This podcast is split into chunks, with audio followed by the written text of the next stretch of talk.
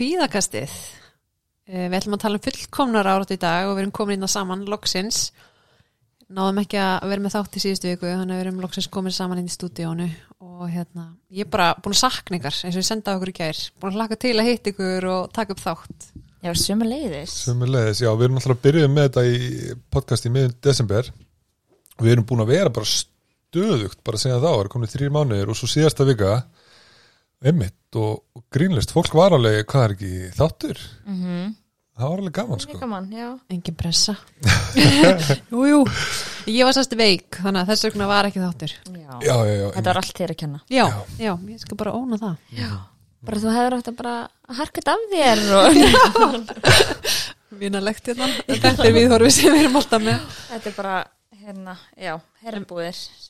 en, en já, við eins og Katta sagði, við ætlum að tala um fullkomnir ártu og hérna, og við höfum verið að posta á Instagram svona hvað við viljum að hvað við höldum eða við erum að spyrja svona fólk hvað það vill að við tölum um. Og við höfum oft fengið með þessa fyrirspurn að tala um fullkomnunar áratu þannig að við ákveðum bara að- taka það og ætlum að tala um þetta en ánum gerum það hvernig, hver er staðan á okkur? Hvernig, hvernig líður okkur að þessum fallega mánudegi? Vá, mér líður frábælega. Ég mitt var að koma úr sálfræði tíma sjálf bara. Ég er Já. hjá sálfræðingi og hérna, mér líður alltaf bara miklu betur eftir tímana. Bara eins og 10 kíló sem ég farin af aukslanum mínum. Þannig að ég kem bara inn í þáttinn silki mjúk og í góðu skapi. Gekka, gaman að Já, vá, það er mjög næs. Ég er akkurat búin að vera svona, svolítið svona eiga smá erfiða vikur núna, bara einhvern veginn svona í einhverju svona langt niðri núna. Ég held að sé einhvern veginn bara út af læðunum og veðrinu og bara búið að vera svona, svo var ég, þú veist, í hérna að kaupa íbúð og eitthvað svona þannig að það er alveg svona stressfaktorar svona nokkrir í gangi og þá ætla bara að bara reyna að sína mér skilling og bara lega mér að, að já, svona slaka mér á bara heima og, og já, vera ekki eitthvað svona að setja pressa að ég þurfa að vera bara 100% Þarf ekki að vera fullkomið já, Mm. nákvæmlega. Gott intro inn í þáttinn. um fullkomnar áráttur. Nákvæmlega. En þú Stuli, hvernig erst þú búin að hafa það? Herðu, ég er búin að hafa það nefnilega bara þrjusu gott sko.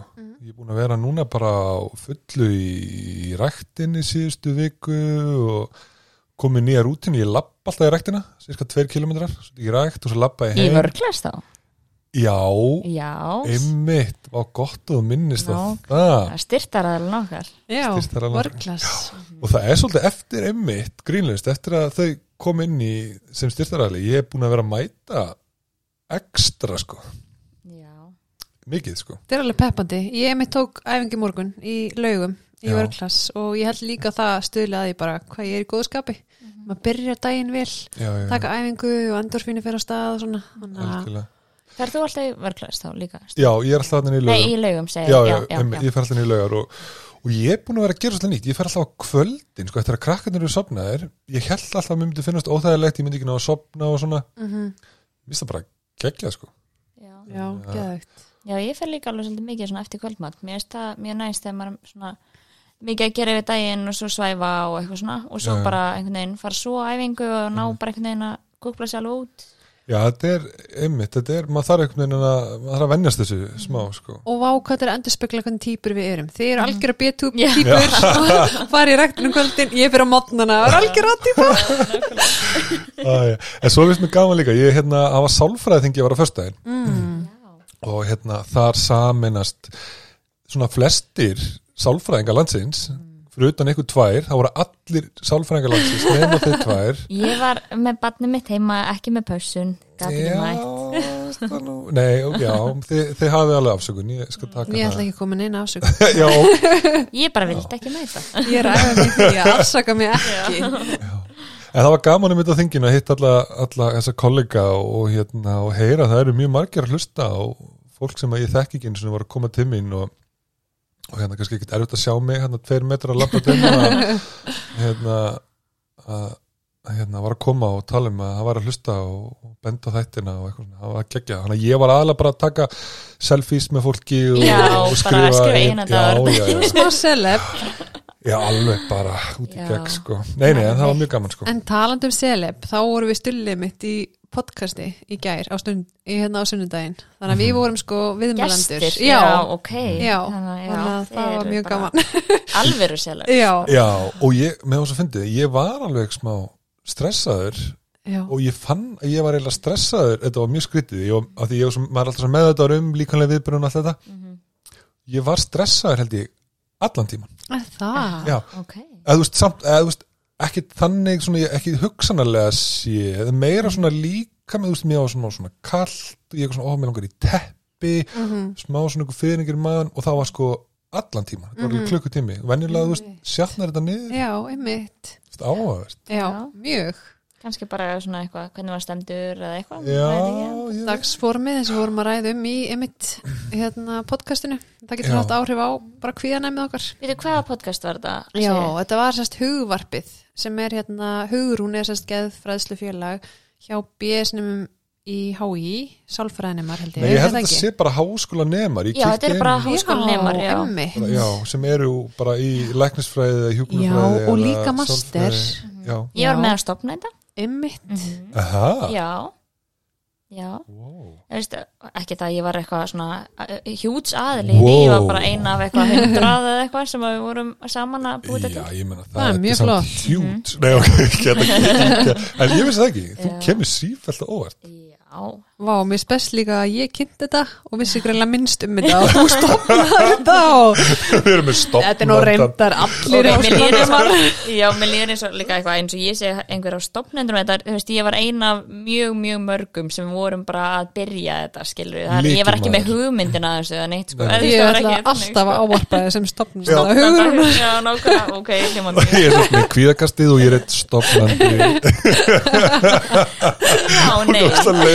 Já, Ok, við erum hægt Já, Þetta er já. svona bara býður upp á smá. Já. Smá grín. En þetta er rosa flott félag. Þau Já. eru sérst að fara Já. í framhaldsskóla með svona fræðislu, þetta er svona inspired af hana ást, ástr, er ástráður? Nei, ástr, Jú, ástráður, það er Já, ástráður. svona kynfræðisla Já, og þetta eru þannig, þú veist, að það eru svona jafningja fræðisla Mhm. sem er geðfræðisla í framhaldsskóla. Þannig að það er mjög svona já, að hérna, svolítið bara svona góð nálgun að vera einhvern veginn bara verum, þú veist eiginlega á sefum aldri og getum tala við ykkur um þetta, bara ekki eitthvað svona einhver, þú veist 50-60 að tala um að þeir á átt ekki að vera kvíðin eða eitthvað, eða skilur, þú veist, eitthvað svona. Algjörlega, og ég, einmitt, og ég var aðeins búin að kynna mér þetta fyrir þetta í gær og, og fullt af geggjum frólegat inn á síðinni og algjörlega Já. og bara skemmtilega uppsett á Instagram stíðinu þeirra þannig að endilega kíkja á hugvarpið þegar það er endur ekki búið að hérna Nei. að koma ykkur þætti út Já, þetta er nýtt hlaðvar já, já, það er að, einmitt að safni svolítið góðan banka. Já, byrt þetta svo bara hægt og rólega held ég. Já, þannig að þið kíkja á þetta og svo eru það líka með hérna Instagram sem heitir Geðfræðslan. Já, geðfræslega á, á einsta já, en Kata, hvað sér, ef að vinda okkur í dagskona, já vindum okkur í hérna við ætlum að tala um fullkomnar áratu þannig að Mhm. fyrst ætlum við bara að skilgrina hvað fullkomnar árata er. Mhm. Og hvort það sé geðruskun eða ekki síðan ætlum við að fara í upprunan bara af hverju heitir þetta fullkomnar árata og af hverju fær fólk fullkomnar áratu uh, síðan fyrir við aðeins í mismunagreininguna hver er munurinn til þess á fullkomnar áratu og bara heilbriðu metnaði og síðan bara hver er einmitt, að við fengum Instagram spurningu, hver er munurinn á fullkomna áratu og OCD eða áratu Eh, þráhyggju? það verður spennandi að tala um það eftir. Já, einmitt, við erum ekki búin að spá í því og, og okkur á milli. Mm uh, Hvað veldur því síðan að fólk fær? Já, hvað veldur fullkom uh, eða sérst bara svona hvernig hefur það áhrif á líf okkar eða fullkomna Já, Já. ég skil, ég skil. Þú veist, af hverju er það hérna að hafa neikvæð áhrif á líf okkar? Einmitt, Akkur er ekki bara geggja að vera að reyna að hafa já, allt fullkomi hafa, já, já, það er líka mjög góða vinkill já. Einmitt, og svo bara meðferðina hvernig hún fer fram og svo einhver svona verkfæri í lókin mm algjörlega. Og einmitt, og við byrjum bara strax hérna á skilgreiningunni, hvað er fullkomna árata og hérna og við, einmitt, áðurinn við byrjum að taka þann, við vorum að ræða þetta okkur á milli og spurningar sem við vorum einmitt að spyrja okkur sjálf, bara einmitt er þetta persónleika einkinni eða er þetta eitthvað svona ákveðin drifkraftur innan kviðraskanna sem er að knúa það áfram? Er þetta eitthvað ákveði viðþór sem við höfum byggt upp í gegnum tíðina? Mm -hmm. og við vorum öll sammála um að að ég held að þetta sé líka þannig smá atriði ef maður spyr tíu sálfræðinga að þeir eru allir svona að hafa mismöndi skoðunir að ykkur liti á því sko. Mm -hmm. já, það er ekki beint svona vel kannski svona skilgreint út þetta er ekki geðröskun þannig að þetta er, já, þetta er svolítið meira svona kannski eitthvað sem er samilegt með mörgum geðröskunum Al, Einmitt. algjörlega og er með svona nokkra ákveðna þætti, þú veist, það er þarna eitthvað ákveði viðþór sem er að knúa þetta áfram og svo einhvern veginn tikkar þetta inn í þessar kveðraskanir hérna, eitthvað svona, þessi mekanismi sem að, við rættum að þess aðan eða vorum að ræða okkur á milli. En hvað segir þú Kata, hvernig myndið þú hvernig hugsað þú þetta? Já, einmitt, bara kasta boltanum á mig. Já, Ég tek, ég tek bara- boltanum.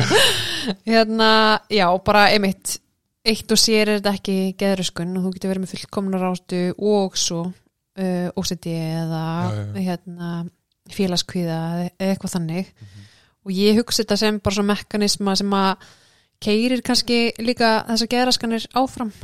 Eins og bara uh, það er fullkomnar áta í félagskvíða og það er þessi pressa sem ég setja á sjálfa mig að standa mig vel í mannlegum samskiptum. Og já, þannig að það er svona einmitt. Já, og, og eins og í hérna, almennri kvíðaröskun að að svona óvissan er óþægileg og það er svona einn mekanismi og svo er líka kannski bara þú veist, ég þarf að geta fullkomlega bröðust við öllum aðstæðum og vita þú veist og, og, og þannig að ég þarf einhvern veginn að vera með mjög mikla kröfur á mig öllum aðstæðum og vera tilbúin í þær. Einmitt. Þannig að þetta er svona eins og segir svolítið svona undirleikjandi mekanismi í mörgum geðröskunum og og já, sem að gera þetta svona, svona flókið að kannski að við erum svolítið að meðhöndla þetta í meðferð kannski hérna samhliða öðrum og, og í kannski hérna, já, Já, mér er svolítið góð svona líking sem ég heyrði. Þú veist að hérna maður getur einhvern veginn meðferðað geðröskunina en fullkomnar áratan situr eftir.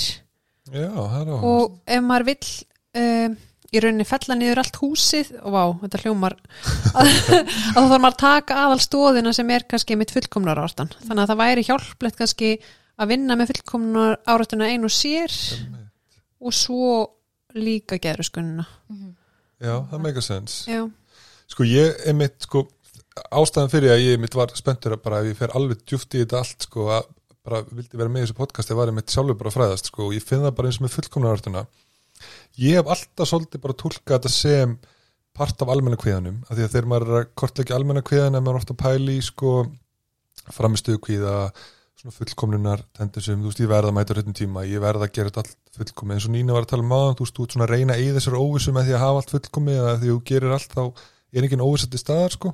En eins og við vitum þá er það bara ekki sén sko. Og hérna, en svo finnst mér svo einmitt áverð að heyra þetta núna og ég hef ekki alveg pælt í þessu á þessu leveli mitt. Þetta er náttúrulega sjálfsög inn í félagskeiðinu líka. Þú samskipti þurfa að vera fullkomin annars verður þetta vandræðilegt og þeim finnst ég að vera skrítin og leðilegur og óáhugaverður og eitthvað svona. Og svo er þetta náttúrulega líkin í OCD-inu eins og við mm talaðum um eftir. Þannig að ég er bara hérna eftir tvær mínútur að spjalli um þetta og þetta strax bara eitthvað mm, einmitt, já, áhuga. þetta er áhugavert sko. Já, og þetta er það nefnilega. Og mér finnst svo áhugavert að tala um fullkomnar áratu að því hún getur verið bæði á einhverju svona einu sviði í lífum hans en getur líka verið mitt á mörgum sviðum. Og það er algengara ef maður er með fullkomnar áratu að þetta sé á mörgum sviðum í lífum hans eins og bara inn á heimilinu, í uppeldinu uh, tengt bara útliti uh, árangri bara í vinnu svona félagslega en svo getur þetta líka bara tengst bara ég er bara með fullkomnar áratu þegar kemur að þegar ég vonum heima og ekki á öðrum sviðum. Sko talandi um, um þetta við rættum að saman líka fyrir þáttin að mögulega, að því að núna erum við svolítið að skilgræna þetta, mm -hmm. hvort við gætum mögulega að tekja eitthvað dæmi hjá okkur ef að býða með það, ef að gera það núna? Ég held að Ef væri, ekki bara að gera það núna? Jú. Já, Það mér finnst alltaf skemmtilegt ég fæ að heyra frá ykkur. Já, Er þú með eitthvað stili? Sko svona svipa og ég hef, náttúrulega aðeins talað um svona mína tölvu leikja fíkni gegnum árin sko og ég tengja við sko, ég nenni ekki að spila leiki tölvuleiki nema ég sé að fara að gera það fullkomi og ég sé bara að fara að vera veginn bestur og get bara eitt endalusum tíma og eitthvað svona. Annars bara sleppi ég því sko veist, og hérna og líka hvis þú myndist um þetta á með börnin og heimil þetta er náttúrulega mismönd þetta er aðstæðum. Mm ég tengi alveg sko þú veist, ef ég er með eitthvað umbunarkerfi heima eða ég kem heim og ég er eitthvað svona að reyna að hafa eitthvað, eitthvað svona góða rútínu og reglur heima, rithma og svo kannski klikkar eitthvað eitt Mhm. þú veist, og þá einhvern veginn finnst mér það einhvern veginn hafa raskað sko og þá einhvern veginn kemur eitthvað svona smá pyrringur einhvern veginn, Mhm. þannig að þú veist, ég tengi það svolítið við veist, tölvuleiki tengja við svona heimilisaldi stundum og líka bara eins og með þrifin og margt annað en ég held að það sé ekki alveg í svona fullkomnar áratu levelinu en ég tengi Mm. það alveg kannski við tölvuleiki sko Mhm. en, en þú Nína, tengið þú? Já, ég tengi rosa kannski mikið við bara þessi svona uh, þegar að mér finnst ekki einhvern veginn allt ganga nógu vel og svona eins, eins vel og mér langar að þá svona á ég til að kannski að, að gaggrýna mig mikið fyrir það og ég er kannski svona já, að, svona fullkomna orða mín svona fælst svolítið mikið kannski að, að vera svolítið hörð við sjálfa mig og svona eins og bara þú veist að ég er ekki búin að heyra í vinkunum minni í, í, hérna, í viku eða eitthvað sliðis, þá liður mér eins og ég sé ekki nógu góð vinkuna eða ef ég er ekki búin að setja í nómargar þvóttavélar yfir vikuna að þá liður mér eins og ég sé ekki að halda heimilinu nógu vel reynu og svona, og svona þú veist að þessi svona kannski svolítið þessi svipa sem við höfum talað um áður Mhm. mér liður svona smá eins og í þessu stundum svolítið þar að bara svona þú veist, ég þarf að, að gera betur einhvern veginn einmitt Já.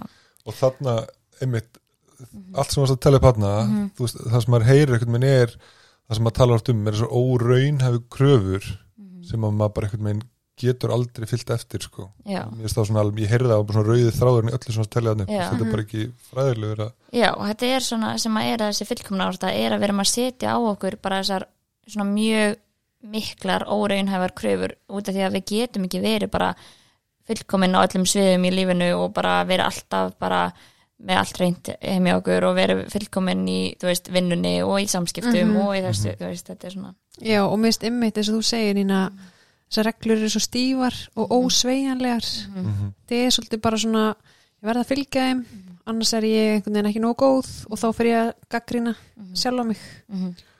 en þú Kata, veist þú? Já, ég held ég sé með þetta bara eiginlega á öllum sviðum. Ég- uh, Já, og kannski líka bara svona á þess að hafa tekað of persónlegt en hérna ég tengi alveg við eins og bara með þrifin heima og ég dett frekar í þá svona að því að þetta er svo ótrúlega mikil vinna að þá dett ég frekar í að vilja sleppa því að gera það. Að því veist svona ef ég, ef ég er að fara að taka til þá vil ég helst að sé bara helgi og þá er ég helst bara einhvern veginn að skrúpa allt bara mjög vel. Og það er útrúlega svona fráhrindandi. Það er erfitt að hafa svo staðið að því það mun taka svo mikla tíma, mikinn tíma og mikla vinnu. Þannig að ég tengi alveg við bara svona fullkomra ártu tengt heimilinu og ég, einmitt, þi- þetta tekið upp heima hjá mér og ég afsakaði hérna. Ég var ekki búin að taka til þegar komið skilur þannig að, og svo tengi ég líka bara við hérna bara í vinnunni. Ég setur rosa mikla kröfur á mig að allir meðferðartímar séu útrúlega góðir og þú veist, ég las heila bók fyrir þetta podcast til dæmis, þú veist, það er bara svona Það er já, Já. en þetta er bara típist ég sko. Já, mér það, einmitt þú sagði mér þetta áðan ég sáði með þessa bók í vinnunni í síðustu viku já, og ég hugsaði með mér hún er að lesa bókina fyrir podcastið og ég hugsaði með mér ég þyrfti kannski að undirbúa mig. En þú veist Já, þannig að, en já, ég held að sé klárlega einmitt þessi ofur undirbúningur mm, og þarna kemur, við tölum að spytur það eftir. Þú veist það er alveg, þetta er alveg ágætlega gaglegt skiljum, svo þarna þetta undirbúa þig geggja vel já. en svo, einmitt, svo spurning hvenær byrjar þetta að vera hamlandi? Þú Nei, en svo er líka bara að vera að styrkja þetta úr öllum áttum. Ég meina það er svo erfitt það er allir bara, vá, þetta er svo góð húsmáður það er allt svo reynt hjá þér. Og þá maður bara, já, ymmit en það er bara einhver fullkomna rátt að keira þetta áfram maður er bara ótrúlega og líka eins og ég ert í svo góðu formi. Já. og þú veist allt þetta bara já og bara alltaf vera einhvern veginn að leggja áherslu á og þú ert að standa þig svo vel í vinnunni og ert að fá svo góður einhvernir hér er launahækkun Já. eða eitthvað. Þess vegna finnst mér líka eins og með bara hérna uh, svona krakka sem að kannski fá háar einhvernir þegar þeir eru lítil og þú veist og að vera að rósa þeim fyrir það. Já, já, að þetta er svona ítir svo mikið undir þess að fullkomun árt að bara ok, þannig að ég fæ bara aðtegli fyrir þetta og fólki finnst þetta mjög flott og einhvern veginn svona uh, aðdánavert Já. og þá ætlum ég bara að halda því áfram sem að skapa svo þessa pressu og svo sem að verður svo mikið hérna, svona, já, bara getur náttúrulega valdið því að maður er að rífa sig niður að maður fær svo læringunir eða eitthvað mm Já, mér skeggja þess að þetta tengið það mitt við einhvernur þegar maður er krakki eða þú veist í fótballanum að geggja mark sem þú skoraðir eða eitthvað í staðin fyrir að vera bara eitthvað svona að grípa allt einhvern megin bara ú, bara góða dagur og eitthvað við bara saman eða eitthvað svona, þú veist, freka það heldur en þú skoraði sigur markið, þú geggjaður í fótballa eða þú fegst tíu í starfæðarbröðinu Mhm. og eðlilega bara styrkist þessi hegðun Já. af því að hún fær svo mik mikla aðtikli og mikið á rósi þannig að Þannig að út af við erum að tala um að næsta var með svona upprunjan af fullkomna Mhm. ártunni Já, að já, þetta já. er svolítið svona kannski algjörlega þar að bara að svona kannski fóreldrar ómeðvitað og án þess að vera með eitthvað svona ætla að reyna að búa til pressu eða neitt svo leiðis Já. að þá bara, og líka bara kennarar og jafnaldrar og bara allir í kringum manneskjuna þú veist, eru svolítið að búa til þessa fullkomna ártu bara með því að vera að gefa alltaf einhver aðtegli, já, býtu þú veist að grennast og mm -hmm. eitthvað flott í góðu formi, þetta er bara svona, ok, þú veist ég er að fá rós fyrir þetta og þetta er eitthvað sem ég hef stjórn á innan gæslappa og ég ætla þá bara svona að vera með þetta bara á hreinu og þá íti það undir, þú veist, og þess vegna getur þetta verið á svo mörgum sviðum, þú veist, í líkásækt, í einhvernar, þú veist, Mhm. þannig að, já, Já, ég held að þetta sé bara veist, upprunn er veist, maður er alltaf að rósa fyrir útkomuna, sko, í staðan fyrir, þú veist, eins og við erum að tala um áðan, þú veist, Nína var að tala við Gautu bara eitthvað og þú geggjuði formi, frekar en, bara, vá, gáðan að sjá þetta, nýta tíman og mæti í ræktina, eitthvað svona afrakstur, eða bara, hvað þú ert að gera frekar en, komin í geggja form, einhvern Já. veginn, þú veist, hvað er maður að grípa, sko? Já, og þarna kannski að fóreldra setja ekki aðtiklina á framistöðu heldur einmitt kannski ekki framistöðuna, heldur bara að þau hafa verið að taka þátt og að gera hluti. Eða Erum við ekki að meina að þau leggi ekki áslá útkomuna heldur frekar á fram... Nei, já, já, það er rétt hjá þér, sorry, Já. ég var að ruggla sér saman já, framistæðan, já, já, Þannig að þessi er ofur já. á framistöðu einhvern veginn. Já, já, já, Já. hvernig gekk, já. En svo líka eru rannsóknir að sína þú veist að það er líka, þessi fullkomnur átt að vera líka til þegar fóreldra eru að gaggrinn ótrúlega mikið og setja háar væntingar á bönni sín. Þannig að það er hægt að gera þetta ómeðvitað en líka auðvitað meðvitað með að vera alltaf að ætlast til þess að bönnin gerir betur og gaggrina þau og, og setja áherslu á framistöðu. En þá spyr maður, þú veist, það er svo erfitt sem fóreldri að vera veist, og Hvað alltaf má?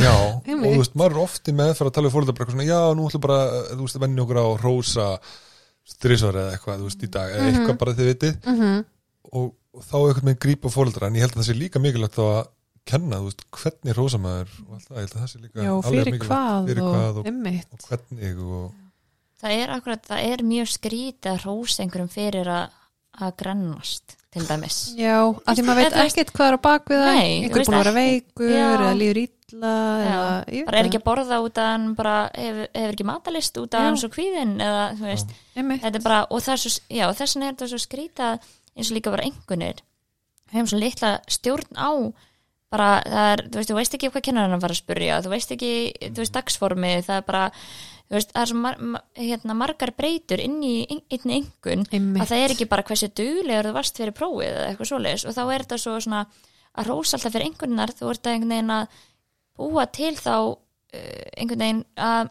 hérna, bannið eigi að þá að leggja áherslu á að ná árangri á einhverjum sviðum sem að það hefur ekki fullkomna stjórn á og eins og það sé bara það sem skiptir mest máli Einmitt.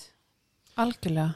þannig að sko ef við sumurum þetta upp þá upprunnin er þú veist, oft er það þannig mitt sem börn, sko við fáum eitthvað svona væntingar, þú veist, frá umhverfinu þú veist, frá fóreldrum og kennurum eða þjálfurum að, að þú veist, þegar við stöndum okkur ekstra vel þú veist, ef við erum í, í geðveikat bara dags framistöðu hjá okkur og þá veginn fáum við ekstra rós að þá einhvern veginn kemur þessi skilirðing að þá verðum við alltaf að leiti það aftur og aftur sko. Mm En svo spyr maður sig, en hvað að þróast ekki þegar maður er börn? Og kannski frekaði maður orðin bara ungmenni, þú veist, fullorðin. Já, þarna finnst mér að koma ekki geggjum punkt að því að þetta er náttúrulega erðir og umhverfi og við erum kannski búin að tala svolítið mikið um umhverfið en ég mitt skoða og það var hérna í þessari bók sem ég var að lesa fyrir hennar þátt að þá var að tala um að búið að taka saman semst, rannsóknir og þá tvíbura rannsóknir. Ú, það eru spennandi.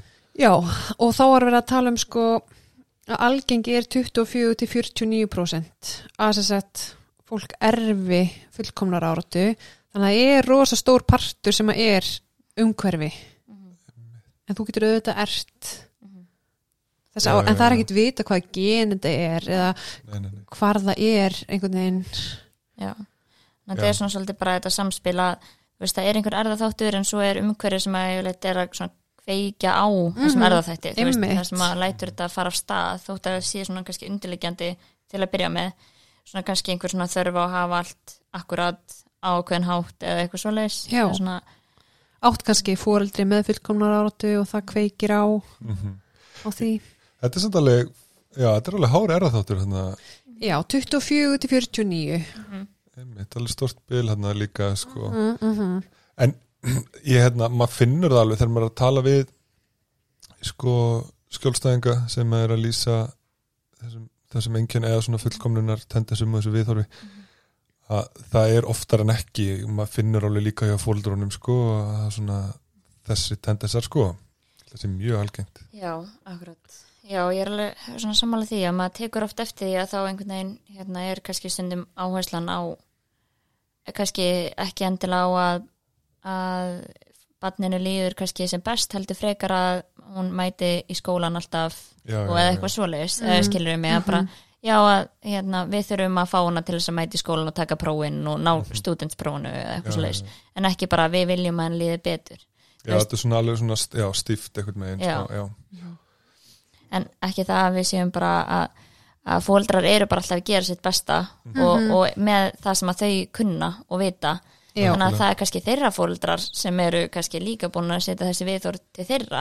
Og þannig að þau að það er ekki það að þessi slæmt fólk eða eitthvað svona. Einmitt. Og með þetta skoðu punktur sem við segjum alltaf í daminu fólk er bara að gera eins vel og það getur út frá sinni þekkingu. Og líka kannski smá hugreisting fyrir fóreldra að það er ekki eitthvað eitt sem orsakar fullkomnar átti hjá batni, þetta er samspil margra þátta. Þannig að þó að þú hefði verið eitthvað öðruvísi uppeldin og þá vitum við ekkert hvort að það hefði breytt einhverju. Þannig, að- en, en auðvitað bara reynum að vanda okkur.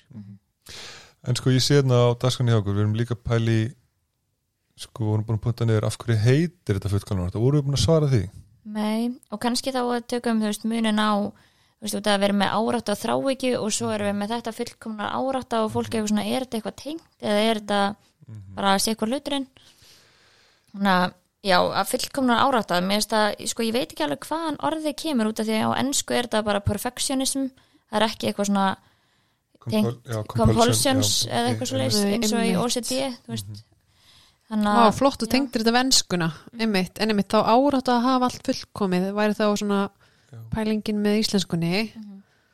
En í árátt af þráhyggju þá erum við að tala meira um að þráhyggjan er svona óvelkomnar, óþægilegar hugsanir eða ímyndir sem að koma upp, hoppa upp bara þegar við hérna, erum ekkert að reyna að láta þær koma en eitt svo leis og svo er svona áráttan það sem við gerum til þess að láta okkur líða betur og róa okkur niður og svona kannski að mögulega koma í vekk fyrir eitthvað slæmt sem við heldum að geti gerst. En þetta svona fullkonar árátt að tengist því ekki neitt einhvern veginn. Það Nei, er bara hvatin er ekki einhvern veginn að koma í veg fyrir eitthvað slæmt og eitthvað hræðilegt og eitthvað óþægilegt, þetta er meira svona kannski að við viljum bara performa ótrúlega vel og fá passa að fólk dæma okkur ekki eða sé eitthvað svona agaggrinni eða Já, óttin er kannski, ég vil ekki vera bara einhver meðalmanneskja, ég vil ná lengra og þess að setja mig stífa reglur og ég fylgi þeim og það er drifkrafturinn en ekki einhvern veginn eins og þú ert að tala um Nína að minka óþægindin með, eða komið veg fyrir að eitthvað hræðilegt gerist.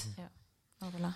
Já, algjörlega. Og þetta er þetta er eins og ég myndist á, aðeins á líka, við erum að tala um munin á þessu en svo eins og við tölum líka um á hana þetta getur náttúrulega líka samt verið partur af þú veist, maður er með eitthvað þráki hugsanir og svo þarf maður að gera eitthvað ákveðna aðtöfn mögulega til að deyfa það niður.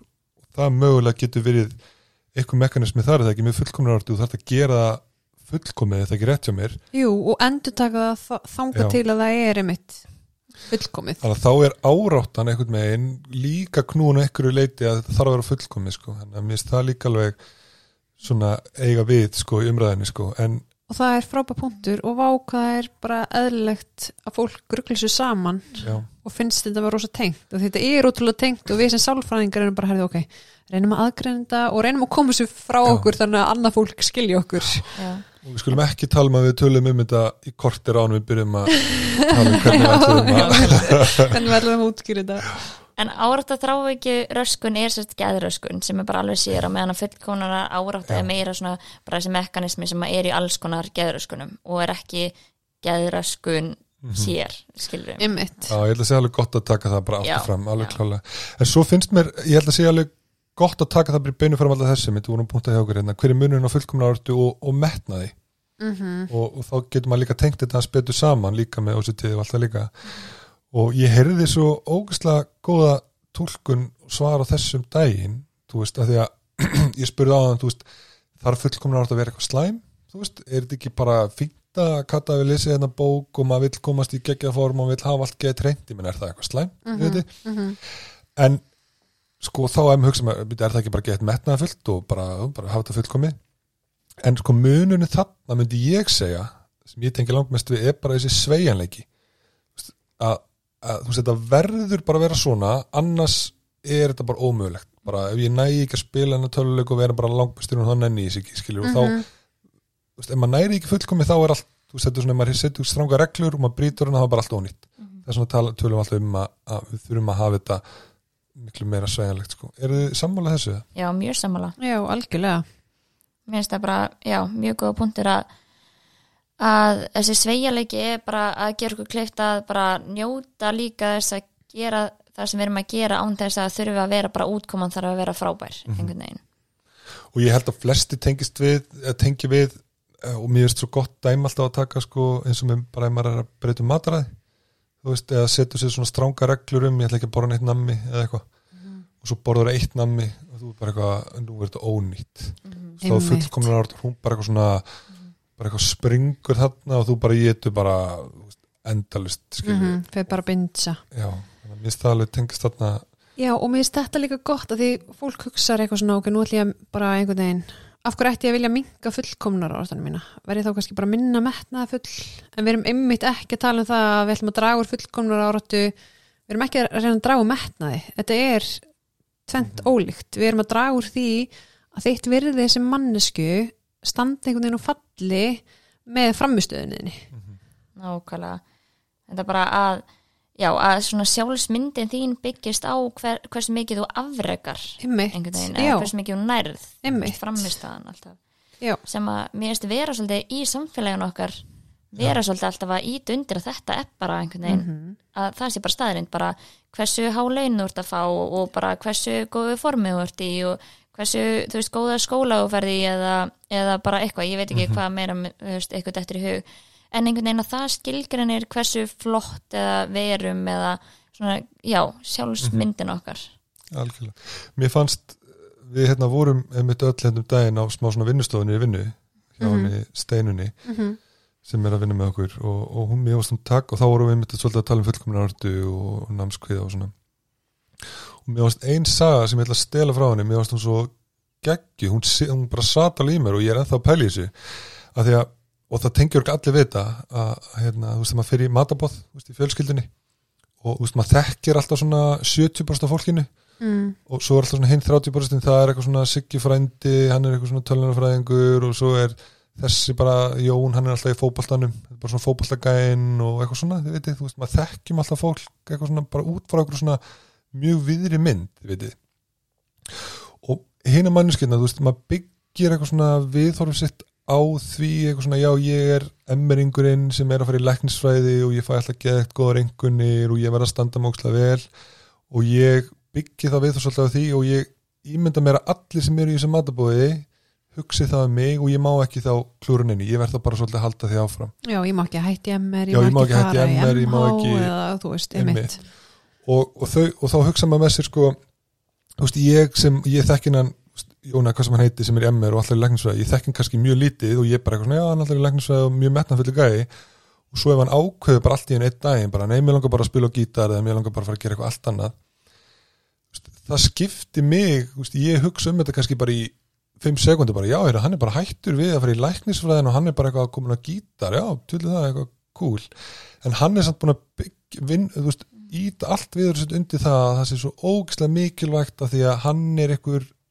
algjör lærdum skæ í augum allar hinna. Já, eðlilega, að því þetta er það sem hann er spurður um í öllum veislum, bara Já, já, hvernig gengur og hvernig væri á prófinu og eitthvað?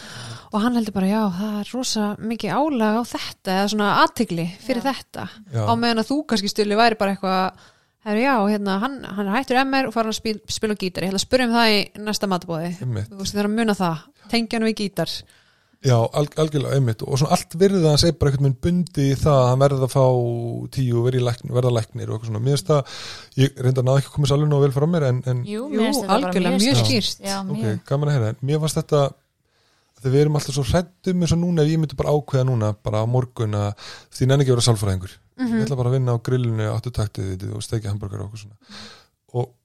ég veit, þú veist, það myndi kannski einhver hugsa eitthvað svona, eitthvað spes eða eitthvað. En lang flestir eitthvað svona í matabóma væri bara eitthvað, já, nú er hann bara að vinna hérna Já, það er öllum þú veist, við þurfum að lif, lifa lífinu okkar á hverjum einasta degi bara þá til við, þú veist, erum vonandi 90 ára eða eitthvað, ég veit það ekki. Já. en þú veist, og að, að einhver hugsi í 5 sekundur eða eitthvað, já, ok, okkur fór hann ekki lænsvæðan, okkur fór hann frekar ræktu taktu eða, þú veist, skipti það í rauninni svona miklu máli en svo er það eins og segir líka mjög skiljalegt að kannski að maður er bara búin að fá þessi skilaboð já þú er svo góð í námi, þú er svo góð í námi og bara vá, þú er svo flott og, og þú er svo góð í skólanum. Og, og þá bara svona þegar það hættir líka bara þessi svona, við erum að leitast alveg eftir aðtegli og, og það er bara út að vera manneskjur, þá viljum við aðtegli, það er bara staðrind og ekkert eitthvað svona bara spotlight okkur heldur bara að einhver kannski spyr út í okkur og hvernig, þú veist, og bara hefur áhuga á því sem við hefum að segja, til dæmis einmitt og bara ótrúlega eðlislegt Já,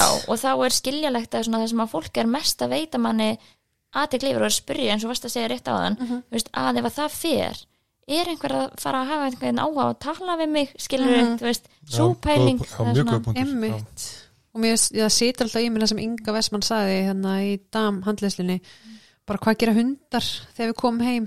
Þeir fara að dilla róunni og hoppa upp á okkur og þeir vilja aðtiklin okkar og þetta er svo ótrúlega præmal og bara eðlislegt í öllum lífverum að vilja aðtikli þannig að hversu eðlilegt er það ef ég fæ aðtikli fyrir nám og ég sæki í það frá öðru fólki? Nákvæmlega. en ég ætlaði að mynda að segja með veist að, að kannski ef við ætlaðum að minka fullkomnar áratuna þá ætlum við ekki að minka metnaðinn og við ætlum kannski bara að vera með bara svona almenna reglur sem við reynum að styðjast við í gegnum lífið en ekki svo stífu, ósveginlegu reglur sem að keirast áfram af fullkomnar áratinu og þegar við brjótum þær að þá er mitt særist stoltið og, og sjálfsálitið. Þannig að fyrir mér er það kannski svolítið emitt til að bæta Já, við. nákvæmlega. Ég er akkurat, var að lesa eina rannsókn sem að svona, er akkurat um þetta svolítið þetta, þú veist, munin á kannski metnaðinum og versus fylgkomnáráttunni og svona hver er svona að skoða, þú veist, hvað eru neikvæðu þættinir innan fylgkomnáráttu Mm. þannig að þú veist að við kallum þetta oft svona þá, eða, þetta er kallað þáttagreining í hérna í, svona tölfræði í, í hérna tengslum við sálfræði rannsóknir og það er í rauninni hérna rannsóknir síndi að það neikvæð áhrifin voru ekki að vera með hámarkmið eða vilja hafa hlutina fínt, eða hafa fínt í kringum sig eða eitthvað svona ákveðin hátt sem að voru að valda þessum neikvæð áhrifum. Heldur var það frekar að vera mjög upptekin af að gera ekki mistök og vera með svona efasundir um hvort að maður er að gera rétt eða ekki og að svona að vera með fókusin á að aðrir er með mikla væntinga til manns og, og svona hversu hérna, hérna hvernig viðbröðin voru, þú veist, neikvæða hugsanar svona voru þegar að maður þegar það gekk illa, það var svona það sem voru neikvæða þættinir sem að eh, voru svona, sem var aðgreina hérna milli metnaðs og já, og eða í rauninni voru þessi svona neikvæða hliðar fylgkomna árastunar, skilur við mig, það, þannig að þetta að vera með hái markmiðin var ekki vandamálið Nei, í út af þessu hái markmið er ekki ég get alveg verið bara, mér langar að vera fórstætti bandaríkina eða eitthvað, ok, það er mjög steikt markmið, ég held að það sé ekki eins og hægt eða eitthvað, en ok. Nina for president. Já, in USA bara, sko, en þú veist, að ef það er kannski ekki vandamáli, en ef ég er bara eitthvað ó, bara, þú veist, ég kemst ekki og bara að, hérna, að vera svona að rakka mig niður þegar ég nægi ekki einhverjum skrifum í áttina að því og, og gera svo efasemtir umbýtu ætti ég þá að fara í þennan skóla eða þennan skóla og ég hefði frekar átt að fara í þennan skóla út að það er miklu líklega að það, þeir eru valdnir sem fórsetar sem að fara í þann skóla. Þú veist, og vera svona já, já, að það er það sem að er, var vandamálið, ekki bara að ég hafði þetta markmið, skilur mig. Það með eitthvað fullkomi sens og vákomið skaman þegar við erum að skoða rannsóknir og koma með, þú veist, punktu inn að því að, já, mér finnst það svo gott að heyra bara að það er concrete facts. Að að það búið að rannsaka þetta, það er eitthvað þáttagreining. Finnst, já, mér finnst það mjög áhugavert að ég held að mjög margið með fullkomnarvördu er eitthvað svona, já, ég er öllum fullkomnarvördu að ég er með svo hálit markmið og ég er bara að stefna allt og mikið eða eitthvað. En það er eins og þú segir, í rauninni skiptir einhver máli, Nei. það er rauninni meira þessar undirleikandi þættir, þessar hugsanir sem eru að koma í kjölfarið og mögulega líka hvernig maður lítur á viðbara annara eða ekki, Jú. sem varst að segja. Já, og svona hvernig hérna, væntingar annara eru fyr, þú veist, til Já. þín og að vera upptekin af að eins og ger ekki mistök finnst það að vera svo ógæðislega svona áhugavert Já. að vera svona með ótt að við að gera mistök út af því að, þú veist, hvenar hafið þið lært mest í lífun Bara, já, það er eiginlega nánast einu skiptin finnst mér eiginlega sem maður lærir eitthvað er að klúra og, Já, og ef við spáum líka í því bara, þetta er bara partur af því að vera mannvera. Þú veist, við getum ekki komist í gegnum lífið sem manneskja á þess að gera mistök. Og þegar maður veist lítið tilbaka þá er maður bara svona hvað kendi mér mest og svona hjálpaði mér mest einhvern veginn að þroskast Mhm. og, og vera einhvern veginn be, svona betri manneskja eiginlega fyrir vikið, Já. það eru erfið mómentin og mistökin, er það ekki? bara 100% Þegar ég kerði löggubílum út í skurð Já, Þú veist, það var bara, það voru mistök sem ég lærði óksla mikið af Mhm.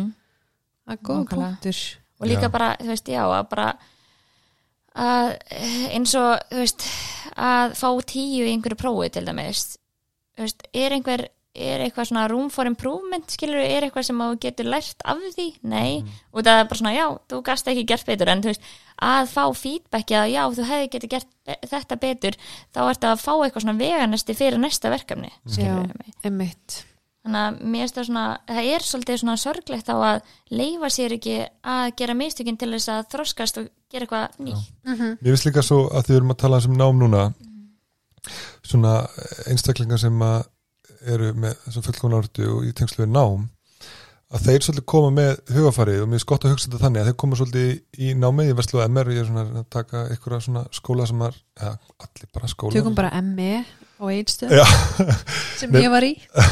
Bara í mentaskóla almennt eða bara í háskóla eða eitthvað, ég veit ekki hvað ég er að taka svona spesifist að þeir sem eru með fullkomna orðu þeir eru að koma einhvern veginn í skólan og eru með það hugafar já, heyri, nú ætla ég að, nú ætla ég að sína að, að ég kann þetta sko, ég ætla að sína honum að ég kann þetta og ég ætla bara að fá tíu og ég ætla bara að, veist, og hann þarf ekki að kenna mér neitt.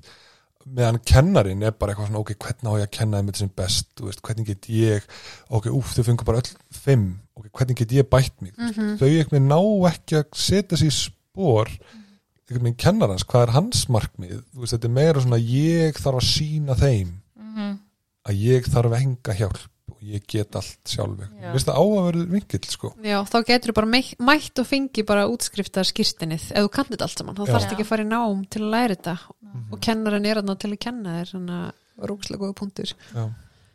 en ef við förum svona svolítið í bara þessi neikvæð áhrif af hverju við viljum vinna í fullkomna ártu, hvað er það sem að eru þessi neikvæð áhrif, hvernig hefur það áhrif að lífa okkar að vera með fullkomna ártu og ég var að fara að segja þetta og ég elska þegar einhver segir það sem ég er að hugsa. Að ég er einmitt eitthvað svona, til þess að vilja losna við fullkomnar árátuna, þá þarf maður að hugsa býtu, hvað er slemt við að vera með fullkomnar árátu, af hverju ætti ég að vilja losna við hana, veist, hvað er hún að kosta mig í lífinu? Þannig að ég hugsa bara alltaf, ef maður brýtur þessa reglu sem maður setur sér, mikil kvíði eða deburð þreita, orkuleysi maður, þetta er svona tekur mikið tíma af manni. Maður er ofta að fylgja einhverjum svona reglum.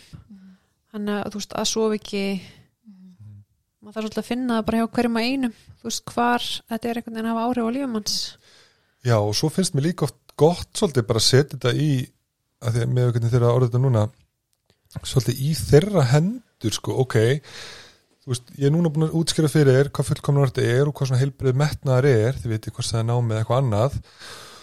Og ég ætla bara svolítið að gefa þér, þú veist, þú getur núna bara verið hérna bara reynd að vera fullkominn, skilur og reynd að gera þetta bara, get vel, en þá veistu bara það er að fara að koma kvíði, þú er örugglega eitthvað deburð og þú ert ekki að mögulega að fara að ná að uppfylla allt mögulega, kemur bara í ljós. Já, en þá veistu það bara, þú getur tekið bara þetta skóla ár þannig, skilur og þú bara veist að það er að fara að vera kvíði og það er að vera deburð, þú mútt svo lítið og Já. þetta verður erfitt og Já. þú mútt gráta og algjörlega, en svo getum við komið hérna á hinnar hliðina, eða þú veist það sem að við getum reynd bara aðeins að, sinna okkar lífi umfram eitthvað meira en bara að læra, einmitt, setja ekki inn fleiri körfur og... setja ekki inn í fleiri körfur, algjörlega. Já, það er akkurat að þetta tekur svolítið frá manni veist, það sem að skipti manni líka máli í lífinu. Þú veist, ef að það er bara full, eins og fullkomna ástæða í námi eða fullkomna ástæða í, í, hérna, líkusrækt til dæmis að vera bara að taka tvær æfingur á dag eða eitthvað slegist, þá getur kannski ekki hitt vinniðina Mhm.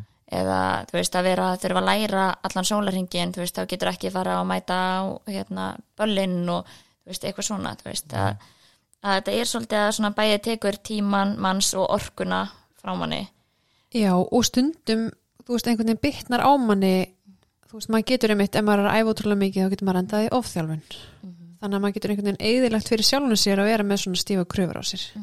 Nákvæmlega. Þannig að þetta er ekki endilega þá að fara að skila manni betri árangri að þótt að manni líður eins og að þessi svipa að fara, já þá fer ég betra form, við höfum talað akkurat um þetta áður, þú veist að, að maður heldur einhvern veginn að, að þegar við erum að brjóta okkur niður og gaggrinn okkur og ætlum að gera allt svo fullkoma 100% að þá erum við að fara að ná betri árangri, árangri í líkasrættinni Já, ómagat, ég er með geggja dæmi um þetta. Ég fór í hérna hlaupaþjálfun hjá Arnari Pétus fyrir hérna síðast sömur ætla að hlaupa hérna marathon. Og þá var hann með bara svona sex æfingar á viku, bara hlaupaæfingar og mjög bara flott prógram og ég fylgdi því. En ég hugsaði fullkomnar áttan kikka inn og ég eitthvað svona, ég ætla að bæta inn fleiri æfingum. Það hlýtur að skila með meiri árangri. Og svo mittist ég auðvitað Já. að því ég var bara í ofþjálfun og var bara að æfa allt og mikið. Þannig að þarna var ég bara eðilegi fyrir sjálfum mér með fullkomnaráttunni í staðan fyrir bara ég þurfti að kvíla í einhverja sex vikur gæti ekki hlaupi neitt í staðan fyrir að taka bara mína sex æfingar í viku og ná meiri árangri Þetta er geggjað dæmi. Já, ég var bara eitthvað, oh, já. Já, þetta er alveg, þú veist, út af þetta þetta er alveg svona fullkomið dæmi um fullkomnara. Það var ekkert. Þú veist bara, já, þú ætlar að gera ennþá betur eins og bara ég ætla að læra ekstra lengi, bara alltaf. Bara, þú veist, ég ætla að læra ekstra tvo tíma hérna í prófavikunni, þú veist, alltaf að þegar hinn er farin að sofa, tekið tvo tíma í viðbútt Einmitt, þetta er líka gott dæmi, já. Já, Já. og maður er svona, ok, þannig að þú verður minna sofin sem að þannig að upplýsingarna fara ekki í langtíma minni eins vel, þú veist, og svo bara verður meira þá kvíðin sem að, þú veist, út af því að svefnin að er að ítundur og verður meira kvíðin, að vera ekki að sofa og svona, og þá gengur þið að vera prófnur, skilur en byrju ekki, ég lærði samt tvo tíma meira en allir aðrir, öll kvöldin, skilur hvernig meika það sens, það bara, þú ert ert bara, þetta er óhjálplegt og er að fara að gera verra.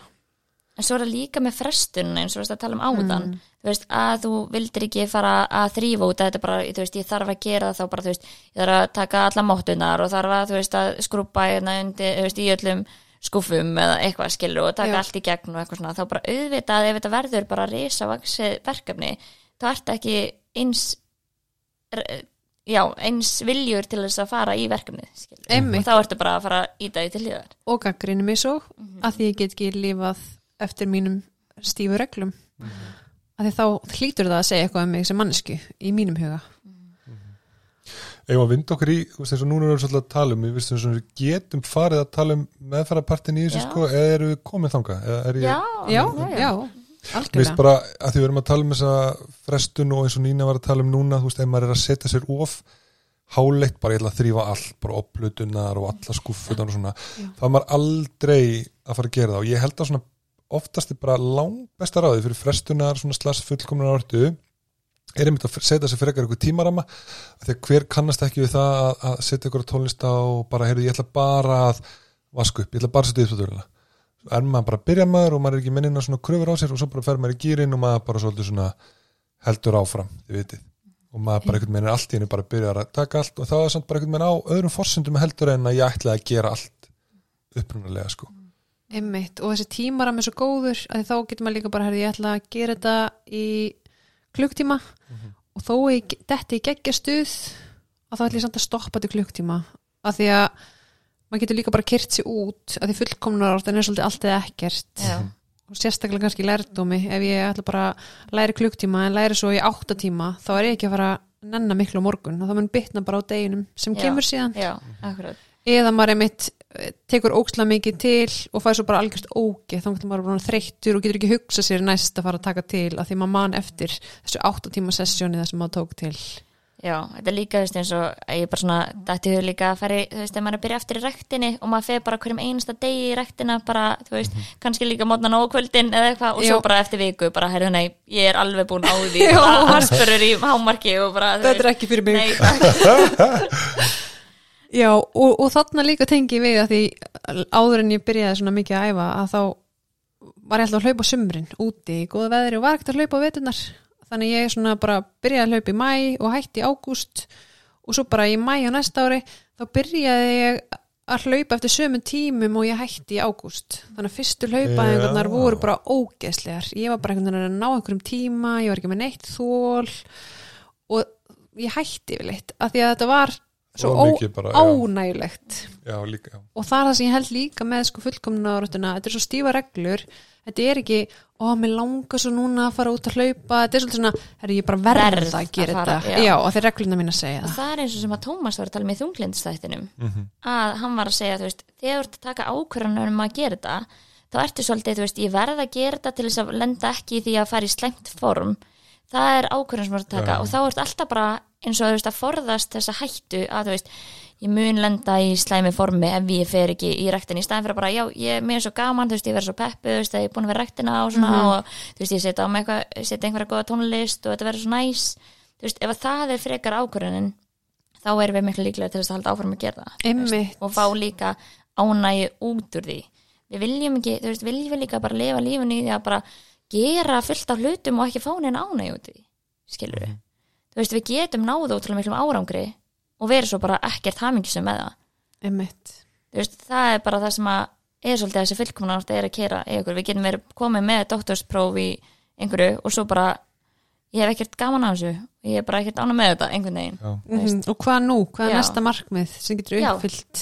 já, uppfyllt þetta svolítið svona þetta tómarum að Já. bara, þú veist, þetta, þetta er það sem ég er góð í ég er ekki góð í neina öðru út af því að ég er ekki búin að reyna neitt annað eða finna tilgang í neina öðru. Ég, eh, sko, ég er að mynda að hugsa um eitt, eitt sem ég þekki sem er með doktor í svona mjög massífu dæmi, sko. Svo kláraði hann það, ég ætla svo sem ekki að reyna að passa hérna persónu ger ekki neitt, sko. Og svo kláraði hann það, þetta er bara alveg búin að vera erlendis að taka doktor alveg heil lengi. Svo bara var það búið og svo er hann bara að þjálfa fólk í dag. Þetta er eitthvað allt annað og maður spyr sig, þú veist, hvað var að knýja þetta áfram, skilur þú veist, er maður ekki búin að fatta á einhverjum tímapunkti ég er ekki fara að vinna með þetta er ég að fara að klára doktorinn í þessu þið veitir, hvað er að knýja þetta áfram skilur, Mhm. það er svolítið þetta sem við erum búin að tala um. Bara líka viðþorf annara og, og svona væntingar já, svolítið ámann sko. Nákvæmlega. Og, já, já, ekkert. einmitt. Þannig að og líka kannski við erum að tala um frestun og hérna að, að prófa bara ég ætla að prófa að gera þetta í fimm mínútur og aðtökur þetta ekki stuðið, að láta ekki stuðið svolítið stjórn okkur, af því einmitt eins og þú sagðir, hver hefur ekki lent í þegar maður setur tónlist í gang, að maður er einhvern veginn detti í stuðið. Ég ætla bara að prófa í fimm mínútur og ef ég er ekki komin í stuðið eftir fimm mínútur, þá get ég bara hætt. Mér varst líka geggja sem við rettum að þessum daginn líka sko að, ef maður er búin að setja og svo kannski byrjar að lesa og ég ætla að kannist nú allir við það og lest hennar blasu og svo hugsaður með þér ég man ekki eina setningu sem ég las og hvað gerir maður þá? Þá les maður blasina aftur og svo er maður búin með hana og ég man ekkert hvað ég las Mhm. ég hef oft lent í að lesa bara sumu blasi fimm sinnum og kannan stjórn allir við það og þá er maður svolítið svona að mata einhvern meginn hvíðan einhverju leiti og, og, hérna, og í staðin fyrir bara að halda áfram af því þú ert svo einhvern tímpúndi líklegast að fara að kikka inn frekar en út alltaf að hjakkast í sumu hjólfurum sko. einmitt, mér varst að áhuga nálgun sem við rættum um daginn sko. ég hafði ekki hugsað þetta þannig sko. nei, bara býða eftir að þú rökkur í gang já, og þá getur þú valið að lesa spurning hérna fyrstu blaðsvíðnar aftur eða já, langar til svo er þess. komin í lokkaplan og svo er þetta svona býtu, hvað er aftur, já, ég þarf ekki að lesa henni í byrjuninni aftur, já, ok, þá er ég bara komin í gýrin sko. að, þú veist, ef maður er alltaf býð eftir að fara í þessu zone einhvern veginn á eh, sama punkt einhvern veginn þá það maður bara svolítið að kera áfram og svo in the end, sko, dettur maður í hann en líka þetta með ótti við að gera mistök. Mér finnst að við ættum líka svona kannski að gefa fólki smá svona eh, bara hérna verkværi að hvernig þau geta uh, tekist á við það í Mhm. fullkomna orðinni og mér finnst það að vera svolítið bara svona að byrja á að gera þessi svona lítil mistök innan gæðsleppa bara þú veist að prófa að missa eitthvað viljandi út í búð eða þú veist, eða gera eitthvað svona þú veist, senda bara tölvupóst á þess að lesa hann yfir og bara gá, þú veist, kannski var stafsendingavilla, kannski ekki, eða eitthvað svoleiðis. Þú veist, að vera ekki bara, já ég þarf að lesa hann yfir þrjú svar, að hvort það sé allt fullkomlega orðað rétt og þannig að enginn getur miskilið að ég var að segja eitthvað sem var eitthvað slæmt eða eitthvað er þeim eitthvað önnur Ég held algjörlega, þetta er, þetta er eins og kata mitt staðan líka mitt með fullkomnar, þetta er náttúrulega mjög aðstöðbundi eftir hverju með einum og allt það. Og þegar maður er að setja upp svona æfingar mitt þá reynir maður mitt að kortleggja Já, og allt já, þetta já, algjörlega, en svona al, algjörlega svona almenn ráð, ég er sammála, mér finnst það mjög gott að fara í það. Mhm. um, mér finnst oft gott svona eins og með yngri krakkonum að láta því, þú veist, maður kannski prentar út einhverja mynd til að teikna eða lita og maður hefur hálfa myndu mm hvernig er að lita meira inn í myndina og svo látum við hengja upp á ískapin heima og sér við bara eitthvað myndin mert þeim, skilur, sérstaklega ef þetta er eitthvað svona tengt því að veist, verði alltaf að vera fullkomið eða við ætlum að reikna þetta dæmi en við höfum bara enga stund og svo er þetta vittlust svar og maður er bara að, vitlust eða eitthvað og Mhm. hefur það samt einhvern veginn til sínis að mamma pappi sjáu þessi sískinni alls konar svona litir hlutir þú veist, mér finnst það mjög skemmtileg já, Já. teikna með penna en ekki blíjant og strókleðri já, þá er þetta bara fast og er ekki hægt að einmitt, því sumi krakkar eru mjög uppteknir að þeir vera alltaf að stróka út og þurfa að hafa tekningarnar eða já stafina það er líka fullkomna reynda mjög gott einmitt, nota Já. penna, já. en líka, að því mér finnst oft mér finnst ég eiga erfiðast með þetta hérna að því fólk með fullkomna áratti er oft með mjög svona stífa reglur og ramma og finnst erfitt oft að selja þeim eitthvað, nú þurfum við bara að fara að gera svolítið að mistökum. Ef það er það sem þú hræðist, þá þurfum við bara svona viljandi að gera hlutina verð til að heiliðin læra að sé allt í lægi Mhm. að gera mistök og það skilgir henni ekki sem mannesku þannig að þá finnst mér líka oft gott að láta fólk einhvern veginn veist, hvað er það sem þau hræðast við það að fara að gera þessar tilraunir og prófa að gera mistök? Eh, hvað gagn halda þau að fullkomna eða hvernig halda þau að fullkomna orðan sé að hjálpa sér? Þú veist, er þetta bara ef ég tek hann í burtu þá verð ég bara ótrúlega löt eða þá er ég bara mannski sem mun bara gera endlustu mistökum og verð bara alveg sama um hvernig öllum, þú veist hvað öllum finnst um mig. En einmitt bara að testa það. Þetta er góð, byrju, hvernig orðar þetta við þú veist, er það sem sagt, hvað heldur að myndi gerast ef þú myndir ekki gera þetta fullkomni, varst að segja þannig í rauninni? Bara, hvað, þú veist, af hverju eða hvað, hvað er drifkrafturinn hann að bakvið hvað, hvað tilgang hefur fullkomna orðin, Já, af hverju er hún já. hjálpleg fyrir þig, er það ekki svolítið? Jú, mér ég fekk smá brainfrís í eitthvað, hvað var ég að Já, segja? með tilgangur og eitthvað. Já, ég held að það sé líka og ég er alveg sammála, það er mjög oft erfitt að selja fólki bara eitthvað. Og, og klárlega gera maður stundum einhvern veginn til þess að losna aðeins úr að þetta það stíft einhvern veginn, maður vill bara aðeins svona, við erum aðeins að sjá bara, heyrðu þetta er ekki hérna bara einhver stífur kassi í rammi sem við þurfum að fylgja. Og þá er oft svona aðeins auðveldar að ná einhverju spjalli í gegn sko. En mér finnst þetta gott sko, hvað nákvæmlega er það sem knýr sko, Já. Mhm. já, áhagast en svo er það líka eins og þú veist að segja bara við þurfum að náttúrulega kortleikja hvað, hvaða ótti er svona helst hvernig er hann að byrtast og ef það er eins og að þú veist, ég tek öll verkefni að mér sjálf þá er það að prófa að delegata til dæmis verkefni, þú veist, láta einhvern annan taka verkefni eða ef það er, ég læti alla aðra að gera verkefni eða fara yfir það áður en að ég sendi það eða eitthvað svoleiðis mm Mhm. -hmm. ég treyst ekki sjálfur með nót að, veist, að ég mun kannski gera mistök og þá mun fólk fatta að ég sé heimsk eða eitthvað svoleiðis að þá er það ok, prófaði bara að veist, fara bara yfir verkefnið ekki láta neitt lesa yfir, senda það bara sjálf Einmitt. skilur mig, að þetta fer svolítið eftir hvað gerir þú út af þinni fullkomna ortu og þetta er eins og þú veist að segja Katrin, þetta er svolítið knúið svolítið áfram af þessu lágu sjálfsmati að ef ég ger ekki þessa hluti þá sér fólk að ég sé bara í raun og veru löt eða raun og veru heimsk eða raun og veru eitthvað svona, þú veist, eitthvað svona neikvæðar hugsanir sem við höfum um okkur. Og þótt að við erum ekki bara eitthvað alla daga bara, já, og ég, hug, ég hugsa ég sé svo löt og þess vegna er ég alltaf að reyna að vera en þetta er svona bara undirliggjandi bara, og ég fólk ma- þarf að svona finnast ég vera dugleg einhvern veginn út af því annars þá finnst mér, þeim ég vera löt eða eitthvað svona Mhm. bæði, þú veist, ef ég setja þess að pressa á mig en líka með líðinu svo aðrir halda Já. eitthvað um mig. Já, já, Einmitt. og ég man núna kannski punktin sem ég var að reyna að segja á þann með þú veist, að því þú veist að segja þetta er svo einstaklisbundið og það munur hver óttin er. Þannig ef allir mis, óttin er bara ég eftir að missa vinnuna ef ég skrifa tölpóstin eitthvað kærleyslega þá skilji svo ótrúlega vel að fólk sé ekki bara tilbúið að taka sjensinn og gera hann mistök með tölpóstin þannig að þá þurfum við svolítið að heyra hver er óttin þinn? Og kannski byrjum við á einhverju sem að er kannski aðeins smávægilegra heldur en það að missa vinnuna. Eða kannski einhver mistök sem eru minni heldur en það sem Já. þú hræðist mest. Já, eins og bara að missa eitthvað í fatabúðu eða eitthvað skilur niður, Já. bara þú veist að gera vera svolítið svona mannlegur að gera mistök einhvern veginn, þú veist, Einmitt. en þá ekki að byrja á vinnupústinum já, já, ymmit, Já. já, nákvæmlega. það er góð punktur sko. Ég, mér finnst líka skemmtilegt að pæli því að því að það er oft bara þessi punktur um að, að selja þetta og láta fólk gera þetta. Og þá, veist, og þá verður maður líka bara svolítið að geta gúttera það, bara já ok, ég skil það bara en reynum þá núna þegar við lendum í því að þú veist að koma ykkur mistök þú bara veist bara, þú ert að fara að mæta seint bara í vinnuna, þú hefur bara aldrei mætt seint í vinnuna bara að reyna þá að einhvern veginn svolítið að óna það, þið veitir, eða eins og Nínu var að tala með út í hópverkefni og, og þú veist að þú veist, þú vilt alltaf vera stjórnandin í því.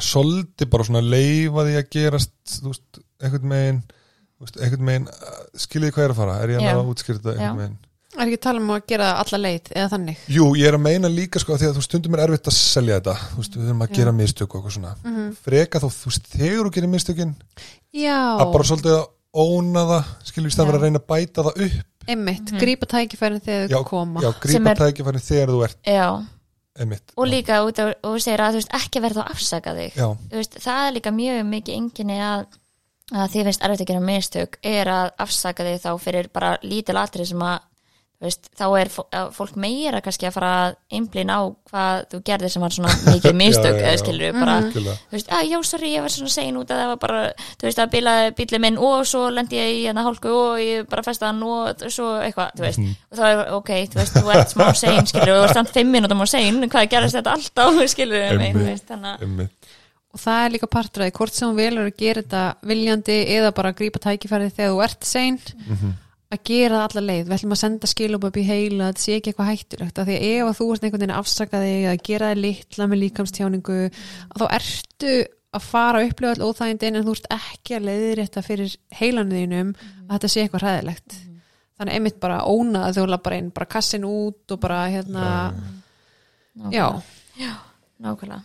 En það er kannski líka bara að hafa þetta sem svona smá heimaverkefni fyrir þá sem að eru kannski tengja mjög mikið við þessu vilkumna orðu eru bara að prófa annarkvort að þetta grípa mistökin þegar að þau koma upp eða þá að prófa að gera einhver svona lítil mistök viljandi sem að mér finnst getur átt verið bara drullu skemmtilegt þegar maður er komin í gýrin sko og bara þú veist bara já ég hérna bara þú veist að bara senda eitthvað mail og bara brúskall og bara send skilur við þú veist eitthvað svona og það getur verið bara að fólk svona finnist þetta bara actually mjög skemmtilegt að byrja að prófa. Já, ó, ég var með eina hérna e, já, ein hérna stelpa sem var hjá mér í meðferð um, hún var svona mjög passum upp á peninga og þá Já. vorum við ymmit bara að vera pínu kærlaus með peninga án þess að vera eitthvað eigða stóru fjárhæðum í eitthvað rugg, þá Já. vorum við bara svona sett upp hundrakall í svona tyggjókúlu sjálfsala Já, sem er algjörlega pointless og ekkert sérstaklega góða tyggjókúlur bara eitthvað svona random litli lutir þar sem Já. hún var bara að senda skil upp upp í heila það er í lægi stundum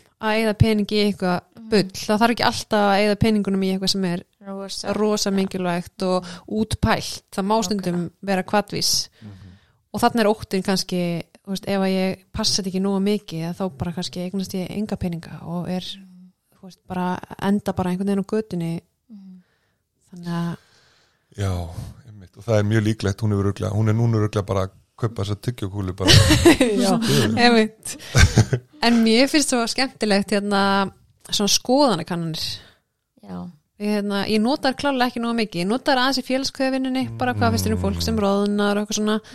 En hérna já þegar við notum sér skoðanakannanir til þess að, til þess að, hérna, að sjá viðhor fólks sem við getum ekki bara svona kannski séð utan á þeim eða einhvern veginn testað í aðstæðum heldur að við þurfum að svolítið að spurja hvað finnst þér um þetta til þess að komast að því er þetta eins slemt og fólk eins og við heldum Já, og þetta er ekki svona kannski almenn þekking sem er bara hægt að googla einhvern veginn. Já. heldur er meira sem hver og einn veit fyrir sig bara hvað þeim finnst um ákveði málefni. Þannig að Mhm. algengt í félagskveði bara hérna, ó, fólk horfi niður og fólk sem róðunar og þá sendum við út skoðanakönnun. Bara hvað finnst þér um fólk sem róðunar og fóðu bara alls konar svör hvað fólki finnst bara krútlegt og vinalegt og sumum finnst það bara já, hann lítur að vera kviðin þannig að við erum í raun að sapna upplýsingum. Og fólk með fullkomnar áratu er ofta, þetta er oft mjög svona rót gróið sérstaklega hjá veist, hérna, fullorðnu fólki. Og það veit kannski ekki endilega hvað normið er. Og þá er bara hægt að senda veist, út spurningakonun bara eins og til dæmis hérna, svara þú tölupóstum í sumafríðinu og bara hvernig fólk almennt svara því til að fá bara, er það í alvöru normið að allir séu bara með kveikt á tölupóstunum sínum? Þarf alltaf að vera að vinna og alltaf að hafa aðgengi að þér. Eða horfið þú á gaman þætti? Ef það er kannski við þóru bak við það bara ég þarf alltaf að vera að gera eitthvað skipti máli ég má aldrei að döða stund. Já, mér finnst þetta ég hef ekki notaði mitt skoðanakannir í almenna, eða þú veist, í fullkomnar áratinu, mér finnst það mjög áhugavert sko. -hmm. og mjög skemmtilegt síðasta dæmi sem þú tókst þarna með gaman þætti. Já, að hérna, að því að, þú veist, þegar maður er að kortleika stundum svona, mitt fullkomnar áratu að, meira segja, þú veist þú veist, við erum búin að tala svolítið um, þetta er svona smá út út úr hjá mér en við erum búin að tala almennt um, þú veist, við vilja standa sig vel í náminu og vilja standa sig vel í þú veist, vinnu og svona. En stundum er þetta bara líka þannig bara út að horfa á sjóarpið þú veist, þau vilja valla horfa á eitthvað svona flókið að þau kannski náði ekki alveg freka vilja að horfa bara á Friends. Í tíundarskipti í þekkja það og og það hitt, þú veist, vilja þú veist, þetta verður alltaf að vera svo geggja, þau verður að ná öllu sem þau gera, vilja gera það fullkomið. Ef ég ætla að horfa þessa mynd, þá vil ég bara ná henni 100% já, og, nákvæmlega. Og þú veist, þetta er komið á þennan stað sko, maður er alveg bara, ef ekki bara skila sjóarpinu skilur, eða þú veist það er að gagnast neitt sko. það er ekki gaman að horfa á sjónvarpið. Þetta er vinna. Þetta er vinna, það eru stífareglur ok, samt tengi við að þú veist, ég er mjög mikið því að mér finnst ég alltaf þurfa að vera að nýta tíma minn svo vel þetta er svo algengt, Já. sem er alveg grilla dæmi sko. ég bara, ok, ég er hérna að í styrtu ég þarf að hlusta á þetta um þetta, skilur þetta er alveg hæðilegt sko. ég er bara svona með allt og ég er líka bara, þegar gæristu minn er að horfa á einhverja, einhverja random gama þætti eða formúli, þætti á Netflix eða eitthvað þá er ég bara, þú ert að eyða tímanum þínum? Þú gæti verið svo mikið að gera eitthvað svona sem að myndi vera mjög skilur efficient skilur og ég er bara eitthvað að googla hérna og undirbúa pod, næsta podcast á du, du, du, du, og því er líka oft bara eitthvað ok Nína, bara hvað er að gera? Skilur. En mjög stættur svo geggja punktur ég tengdi svo mikið við þetta bara þú veist, er maður að verja tímanu sínum í eitthvað bara eins og horfa á gaman þætti? Þú veist, er, er fólk almennt að því? Er allir að fullnýta tíman sinn alltaf? Já. og ég ég mæla ekki með þessu bara. Nei, ég þurfti pínu að selja mér þetta. Ég, þú veist, þegar ég horfi á þætti með kærastanum mínum, þá er ég bara eitthvað og nú er ég bara að slaka á. Það er mikilvægt. Ég þurfti einhvern veginn að viðkenna og bara svona staðfesta fyrir sjálfum mér ok, þetta skiptir líka máli, þannig ég geti verið góð í öllu hinu sem ég langt til að vera góð í þetta er akkurat líka þetta hérna út af burnout eða kulnun Mm. er bara að verða algengara e- eða svona, þú veist, ég er ekki með eitthvað tölfra bak við það, en svona mér finnst vera mjög mikið svona partur af því er þetta að þurfa alltaf að vera að gera eitthvað svona mikilvægt og, og að vera bara svona að setja svona mikla pressu á sig í vinnunni og setja mikla pressu á sig allstaðar heima og alltaf að vera svo flott og svona, þú veist, að ef að við erum byrjuð á því þegar við erum 15 ára, pældi því bara eitthvað að vera bara eitthvað afreiks íþróttamæður eða þú veist eða mjög góður í námi eða eitthvað eða bara svona að þú setur mikla pressa á því mm heldur hún náir að halda þessari pressu og vera að gera þetta þá til að þú ert 90 ára, skilu þú veist, og það sem þú ert að gera í dag af hverju heldur ef að eða það sem þú ert að gera er það mikið að þú gætir aldrei viðhaldið því í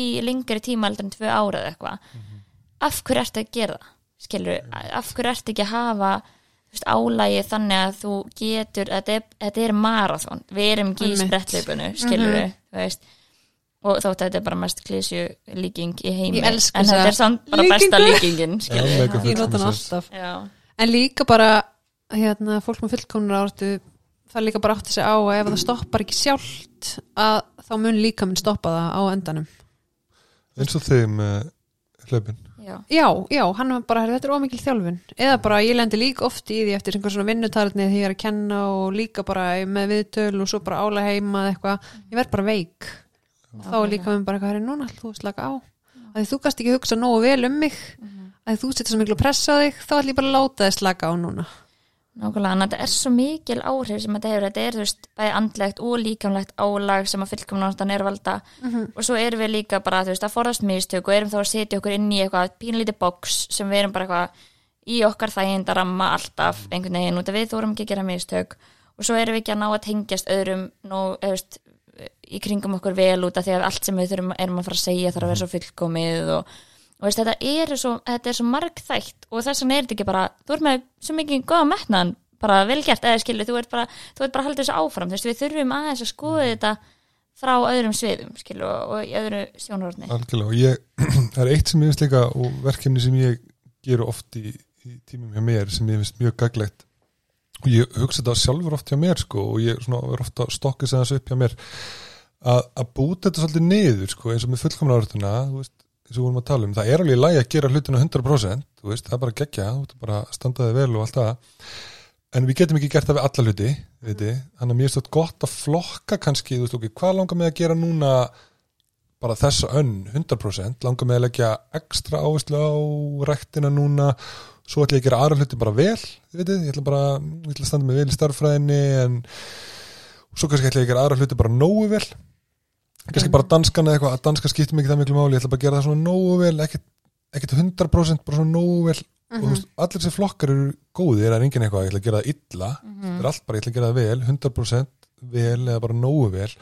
Hafi huga bara þú veist, hvað vill ég, þú veist, er ég að setja sambandum mitt í 100%, er ég að setja börnin er ég að setja starffræðina er ég að setja ræktina, hvað er ég að setja þetta í, í þessa flokka, sko, mér það oft og oft fattar fólk þetta bara, já, herri, nú er ég með allt í þessu 100% alki og ég er ekki að ná að gera það allt 100% hvað vill ég setja bara í nógu vel? Mér finnst það oft góðum Já, mér finnst það mjög góð finnst það geggja líka bara því að oh, þú veist, 50% er líka bara mjög gott. Já, það þarf ekki að fara 100% í allt sem maður er að gera. Það má líka bara gera hlutina 50% og maður verður ekki rekin fyrir að gera hlut 50% Þú veist, það má líka bara stundum eiga þannig dag í vinnunni að maður er bara ekki upplæður og maður fer ekki einhvern veginn alla leið 100% og þá er maður kannski bara meira eftir fyrir makan og börnin þegar maður kemur heim að því maður er ekki búin að klára sig einhvern veginn í vinnunni. Þú veist, maður verður, að- einmitt eins og þú ert að segja ef þú fyrir 100% í allt að þá bytnar það á einhverju sem er í 100% floknum og þá Já. er ekki allt í 100% algjörlega. Þú hefur bara ekki miklu orku Að ég mist þetta oft mjög hjálplegt þegar þú ert að tala um. og bara skapa líka bara góð umræði skiljum, við getum ekki gert það tvillkomið og af hverju erum við að reyna að gera það? Þú veist, við erum bara klúra fyrir okkur sjálfum. Mér finnst það oft einmitt umræðan sem kemur í kjölfæri sko, og góð, sko. mér finnst líka, ég tek þetta ok, hvað vil ég gera vel? Og síðan bara hvað er það sem veitir mér ánægju í lífinu? Að ég hugsa strax um þetta stúdíó hér. Ég bara, þú veist maðurinn minn setur upp öll íkæða húsgögg ég aldrei sett upp gardínur áður og þetta er ekkert glæsilegt hjá okkur innan þessu gardínur. En þetta veitti mér ótrúlega miklu ánægju og mér leiður og svona, svona accomplished. Ég bara svona herði, vá, við bara nýna settum þetta borðið þetta saman og við vildum bara þessar gardínur og, og festum þær upp með hjálp frá manninu mínum. Þarna er, þetta er ekki fullkomið Nei. en vá hvað þetta veitt með mikla ánægju. Nákvæmlega. Það er ekki sama sem merki hversu fullkomið þetta var, hversu ánar maður er með það, skilur, og, og bara, já, með sjálfar sig. Einmitt, að því bara svo kannski er ég setja ókslega mikið fókus á ræktina en ég er ekki að fá jafn miklu ánægju þar eins og frá þessu óvænta, ófullkomna atviki. Nákvæmlega. sko ég er að spá, við erum örgulega að fara að setja gott bráðum ekki Jú. en sko mér finnst að við fengum aðra spurningu á Instagrami mitt sko hvernig er maður til staðar fyrir með fullkomna áratu um, mér finnst það alveg áhugavert sko. Hvað haf- hafðu, hugsaðu þetta aðeins. Já, kannski bara þú veist að fóreldrar séu opni fyrir því að það séu að gera mistök og gera mistök sjálfur allavega það eru börn og þá horfa hann allavega börnin á fóreldrar sína og það er eitt að segja bara já það er að gera mistök en vera svo bara í bónus bara er þetta grínast, gástu mig vittlust tilbaka? Við Já, og þá ertu klálega að senda skilabóð til batsins það er ekki leið að gera mistök. Mm. mamma segir að ég með gera mistök en svona brjálu hérna afgjörslumannin í bónus. Mhm. þannig að líka og bara í umferðinni bara djöfisins hálfviti, okkur er hann að keira svona hægt. Mhm. að að vera bara já þessi, hann er einhver amma að keira eitthvað, þú veist, að slá sér upp í grín eða það geta allir gert mistök þú færi vittlust tilbaka ef einhver veist, Já, og ég held líka þetta með, veist, ekki að vera alltaf fókus á það sem við talum aðan um útkomuna, þú veist, vera bara meira, þú veist, ó vá, það er bara, ég sé bara hvað þú ert svona, bara, ertu einhvern veginn svona, þú veist, létt yfir í dag eða, þú veist, mér veist, þú vera bara svo svona, kemur eitthvað svona jákvæð orku og eitthvað svona, þú veist, að vera bara svona rósa fyrir eitthvað svona sem er ekki hægt að mæla á einhvern hátt, Einmitt, skilur mig? Já. og já, og bara líka þú veist að bara eins og alltaf bara sína skilning og stuðning. Þú ert ekki að vera að breyta fullkomunar áratu hjá einhverjum öðrum, skilur ég mig þú veist, já, bara- nema viðkomandi vilji, þú veist, breyta sjálfur. Mér finnst það svo góða punktur hjá þér. Já, ekki að vera gaggrina fyrir það en bara svona kannski að sína að þú ert ekki að fókusa á þessa hluti. Einmitt, og ég held að sé svo einmitt geggjaða punktur hjá nýnu þarna að, að við erum ekki að fara að breyta því hjá öðrum einhvern megin en ég held að eins og Katta var að segja sem fóreldri eða sem fyrirmynd og það sem mér varst líka mikilvægt að taka fram að ef maður er sjálfur að gera mistök eitthvað svona, oh, ég glimt að kaupa eitthvað þetta með matnum að líka leifa þeim bara að vera svo, veist, með í lausnaleitinni þú veist, eigum að fara aftur út í búð eða þetta er eitthvað annað sem við getum notað, eigum bara að sleppa þess að hvernig er. Og svo bara svolítið svona, já, heyrðu, þetta er nú bara nokkuð gott eða, þú Þetta er bara góður réttur, án saltsins eða eitthvað. Já, algjörlega og leiðum að vera með eitthvað minn í, þú veist, þú gerir ég mistök og líka bara þið gerir eitthvað í vinnunni og þú veist, þeir að ræða við þau bara svona, já, þetta gerist í vinnunni og, og eitthvað svona bara, þú veist, vera með þeim í þú veist, að láta þau vita við gerum mistök og það er bara, við erum öll bara á lífi eftir daginn, það er ekki búið að að reka mann og, og, og þið veitir, allt það. Einmitt. Mér langar að koma með eina pæling í lokin sem Já. er bara svona skemmtileg. Bara ef að þið væri fullkomin. Bara hvernig væri lífið ef að við værum bara fullkomin? Ef allir verður fullkomnir eða, Já, ef við spáum bara út frá einstaklingi. Bara okkur, já, ef að við þrjú bara værum bara öll fullkomin. Hvernig væri lífið okkar? Vá ég er, ég sé bara fyrir Bara- mér, þú veist, við erum kannski spilakvöldi eða eitthvað bara spurningaspil. Bara, bara í heila spuna eða eitthvað. Bara já, það, það er Kazakstan 1944 Við allir bara ekki að stífir bara, allir þetta er skemmtilegu leikur. Veist, Við myndum vita svörum með öllu, skilur Já, það var ekki gaman að spila við okkur til dæmis. Og við hefðum ekki gaman að því að spila. Nei.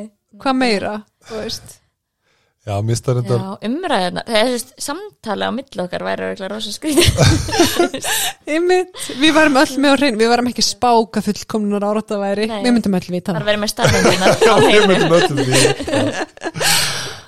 og móka það fyndi pæling samt. og þú veist, væri fá stöðuhækun ég veit það ekki, væri maður ekki bara fullkomin já, bara í bara hæstu stöðunni bara, það væri ekki að fara að breytast. Nei. Nei, þú getur ekki bætt þig í neinu og Nei. þú ert fullkomin í öllu einmitt, Vá, hvað það er áhugavert já, Já, maður fyrir með þetta sko ekstrím átt sko Já, einmitt. já. Þá er þetta Ég vil það. absúrt pæling Já. sko Já. Já, þá er ég bara svona, ég verð svona rætt Ég var rætt að kekja ég bara sætt við sjálfan með fullkomna Ég vill vera gölluð ég vill.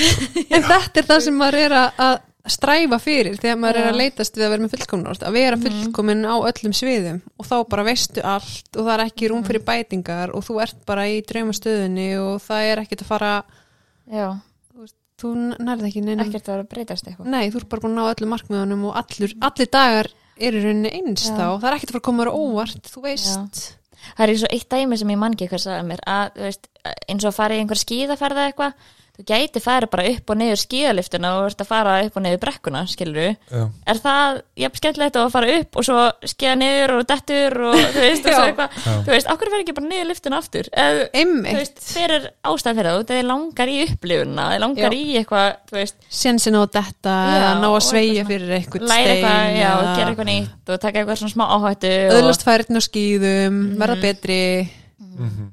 It's the journey, not the destination já, Ég fekk einmitt svona þrjú öðn svona dæmi sem við okkar að tala um sko. Held, Nei, þetta eru allt mjög svipasamt þannig ég ætla ekki, ég held að sé. Ég geimi það til betri tíma Já, við þurfum með mikið að setja allt í þennan þá Nei, En mér finnst að þetta bara einmitt svona, ef maður fyrir alveg með þetta omvend sko, þá Mm. finnst manni sko, fullkomleikin verið í ófullkomleikanum sko, ef maður orðar þetta þannig Já. ef maður bara þú veist, hugsa um vini sína og eitthvað svo leist það er svo mikið af og maður sjálfur náttúrulega bara þú veist, það er það sem að manni finnst svo heillandi skilur þú veist, Mhm. þeir segja oft svo heimskulega hluti eða eitthvað svona og maður er bara að það er samt svo geggjað skilur og Já. Mm. það er Eins og þetta herbyggið þarna já, en það er samt Mhm. einmitt, það er einmitt gardið það Bara mæstu sál og glæðis í- eru betri sál í- Já, mér þykir bara vænt um þetta herbyggið hittumst í því og Já. já, En er, er, já, ég held að séum búin að bara tala rosa mikið um þetta en þetta er mjög áhægt, við gætum örgulega að tekið bara annað þátt um þetta sko. algjörlega við duttum Ég bara í að- flæði, ég er ekki búin að kíkja eins og klukkuna sko. Já, ég held þetta var smá eins og við tókum upp rá, ráða þáttin Já, að ég held við myndum ekki ná sem að er bara eitthvað uppáhaldstátturinn þinn. Já. og ég, ég held að veist, það er ekkert, ok, sko ekki að segja að segja eitthvað fáir búin að hlusta á hann en með því aðra þætti okkur er ekki margir búin að hlusta á ráðaþáttin, eða já, þannig sé uppáhalds- þannig að, já, er uppáhalds ég að stila mæl með að kíkja á hann líka. 87 En takk fyrir okkur. Já, takk fyrir okkur.